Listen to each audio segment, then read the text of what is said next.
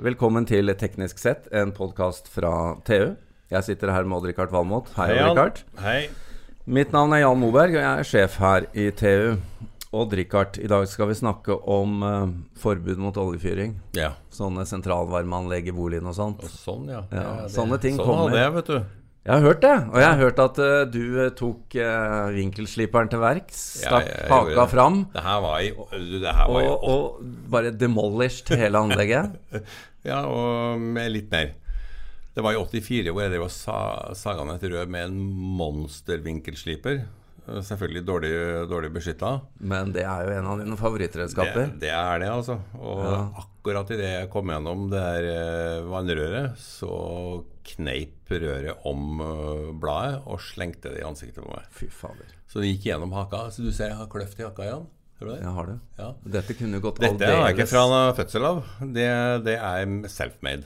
Du kunne vært decapitated. Ja, ja. Men jeg fikk heldigvis sliperen rett i haka, altså den tok av.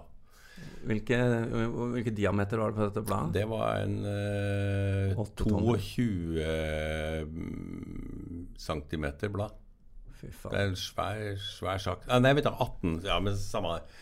det. er- Den tok haka, og så tok den eh, se her. På armen min. Den delte den òg. Der. Så jeg gikk foran køa på skaden. Det er en fordel. Vi skal være glad for, å- for å ha deg her, vi. Ja da. Dette er jo dramatisk, men uh, nå, for å rulle det tilbake til Men- temaet ja.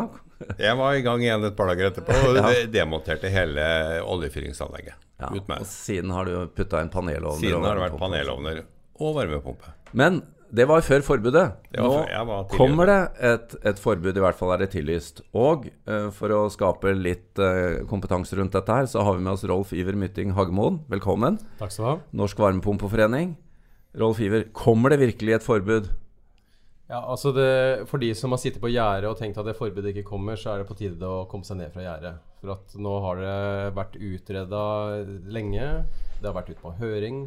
Og i løpet av veldig veldig kort tid nå så kommer det vedtaket til å bli vedtatt på Stortinget.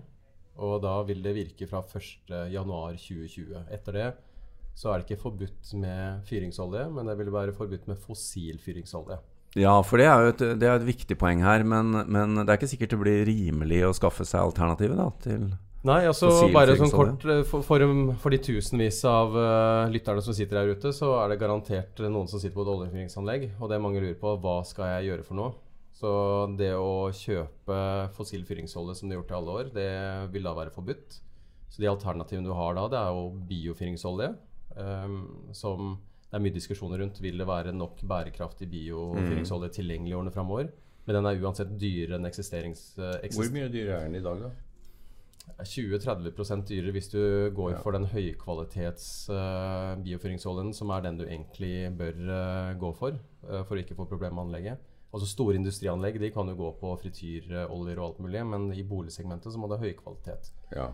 Så hvor mye som vil være tilgjengelig av den framover, det vites ikke. Men klart det er den enkleste å bygge om til det, men da vil driftskostnadene gå opp.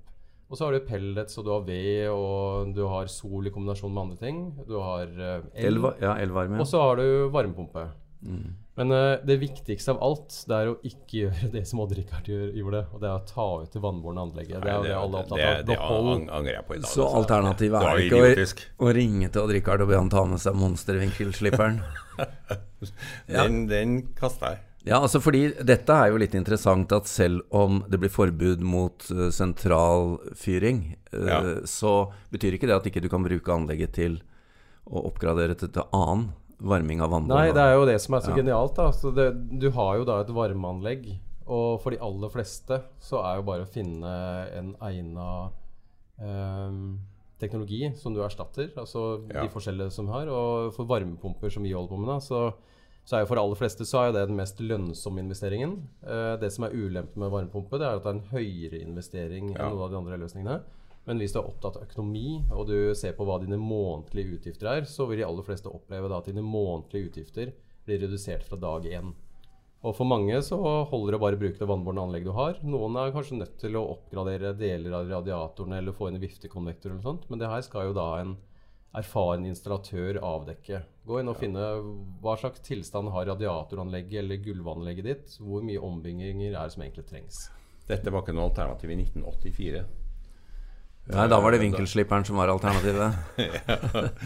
Så det ble pa- panelovner. Ja, så Hadde du gjort eh, det samme i Sverige, så hadde det vært masse leverandører klare til å tilby et alternativ. Mens eh, i Norge så var vi den gang enda mer elbaserte enn i dag. Og da var liksom panelovner som var løsninga. Ja da, og det er jo, vi må jo tilbake til det. Vi lever i annerledeslandet Norge, der vi har hatt uh, vannkraft, miljøvennlig og rimelig, i, i alle år. Så vi, vi lever jo litt utenpå de, de andre tyngdekreftene som andre land har å slite med. Men bare for å ta dette, eh, Rolf Iver. Altså det er jo selve varmekilden er jo eh, brenneren på et sentralfyringsanlegg. Det er jo der du må bytte varmekilde. Ja. Eh, hva skal folk gjøre da? Hvor, hvor skal de henvende seg? Hva skal de gjøre for å, for å få vurdert hva de bør bytte til? Jeg tror det her at det aller aller viktigste man kan gjøre, det er å være kritisk til hvem man slipper inn i huset sitt. Ja. Det vil si få tak i en erfaren installatør som kan gå gjennom boligen din og finne det som er best løsning for deg. Det er ikke bare om å finne den billigste eller en kompis til en du kjenner. Altså spør etter referanser.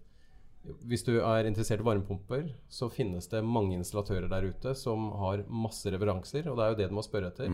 Vise til referanser med fornøyde kunder, der kan vise besparelser, og der, du med trygg, altså der installatøren med trygghet kan fortelle han dette er løsningen for deg. Så jeg vil jo si det at uh, istedenfor å henge deg for mye opp i akkurat hvilken varmepumpe du skal ha, så er det det å finne faktisk en installatør Som kan gjøre en god jobb. Ja. ja, og i et nabolag er det alltid noen som har uh, varmepumpe av et slag også, så det går an å spørre. Enten det er luft til luft eller uh, bergvarme. Ja, det er masse erfaring der ute. ja. Hva er uh, erfaringen med støtteordninger? Vil det være tilgjengelig? Kan du si det at eh, staten gjennom Enova har en helt fantastisk støtteordning. Det er jo blant den beste støtteordningen vi har i Europa. Så sånn ordningen er i dag, så er jo du Hvis du velger å gå for en luft-til-vannvarmepumpe, så får du 20 000 i støtte. Hvis du går for bergvarme eller jordvarme, så får du eh, 30 000 i støtte. Eller opp til, da. Og så får du 10 000 for å skifte ut eh, oljetanken. Og hvis du skal bygge om det vannbårne anlegget, så kan du få nye 10 000. Og det som er veldig spesielt, at før så var Enova sine støtteordninger søknadsbasert. Du sendte en søknad og satt og venta og venta og på at den skulle bli innvilga. Nå er den rettighetsbasert. Så du går bruker rett og slett eh, bare samme kodebrikken som du bruker på å hente selvangivelsen eller som går i banken eller sånt. Går inn på Enova sin hjemmeside, registrerer deg, og da finner den med en gang din bolig. Har flere boliger, så sier den da hvilken bolig, eller om det er hytta di eller noe sånt. Og så tar du da bare og legger digitalt med kvitteringene fra utført arbeid. Og så får du pengene inn på din konto i løpet av tre uker. Så det er jo en fantastisk ordning. Det er der du har noen eh, 30, år- ligger 30 år etter du kunne ha sendt inn kvitteringer. jeg. Jeg gikk glipp av mye penger. Men, eh, men eh, ja, det er noen støtteordninger. De vil jo ikke betale for hele anlegget. Men hva snakker vi om av kost eh, forbundet med å bytte ut uh, varmekilde på et sentralfyringsanlegg? Det, det er jo en berømmelig spørsmål for hele tida hvor mye koster det her. Og det er litt det Mm. samme som hvor lang er en strikk. Ja. Så hvor mye det koster, vil avhenge av eh, hvor stort energibehov du har. Ja. Og det gjenspeiles i hvor stor boligen er, eller hvor bra eller dårlig isolert den er. Men for luft- og vannvarmepumper så er det fort eh, 170 000. Eh, For bergvarme så er det ofte pluss-minus 220-230. Er veldig stor bolig, så kan det jo eh, komme på mye mer. Men det er, vi, vi snakker om i den leia der. Nå er det jo snakk om at dette forbudet vil ha virkning fra 1.1.2020. Så man vil ha et drøyt to år på seg for å gjøre dette. Det kan jo bli veldig press på leverandørene, da. Ja, da det er helt riktig. øke. Så Og, vi har jo irritert oss noe grassat over at myndighetene har brukt så lang tid. For forbud mot fossil fyllingsolje ble egentlig vedtatt i klimaforliket i 2012 på Stortinget. Og så har tida gått. Ja. Så det er jo det her vi har advart mot hele tida, at det blir sånn rush. Og jeg vil jo bare si til alle som sitter der ute som sitter på oljefyringsanlegg, det er bare bruk sommeren nå aktivt Må bestemme deg for løsning. For det å sitte og vente til høsten 2019 og regne med at uh, det er enkelt å få satt opp varmepumpeanlegg da, det, det er litt sånn naivt. For da, Da blir det trangt i døra. Da kommer det til å være trangt i døra. ja. Nei, altså om eh, prisene kommer til å gå opp eller ikke, det aner ikke hvordan markedet utvikler seg. Men klart det er jo veldig stor konkurranse i markedet. Eh, mellom leverandører og mellom de forskjellige varmepumpeleverandørene også. Så, um, så vi opplever jo det at eh, det er såpass stort prispress eh, at eh, jeg er ikke noe sånn redd for at prisene skal gå sånn kjempe opp. Mange håper jo selvfølgelig på at prisene skal falle ned også, men uh, hvordan prisene utvikler seg framover, det er det få som veit. Men det er et viktig poeng her at uh, disse varmepumpe Altså dit varmepumpeteknologien har kommet i dag, så er det ikke noe grunn til å tro at det kommer en sånn voldsomt skift i effektivitetsforbedring. Det, det ligger bak, har jeg skjønt, i tid.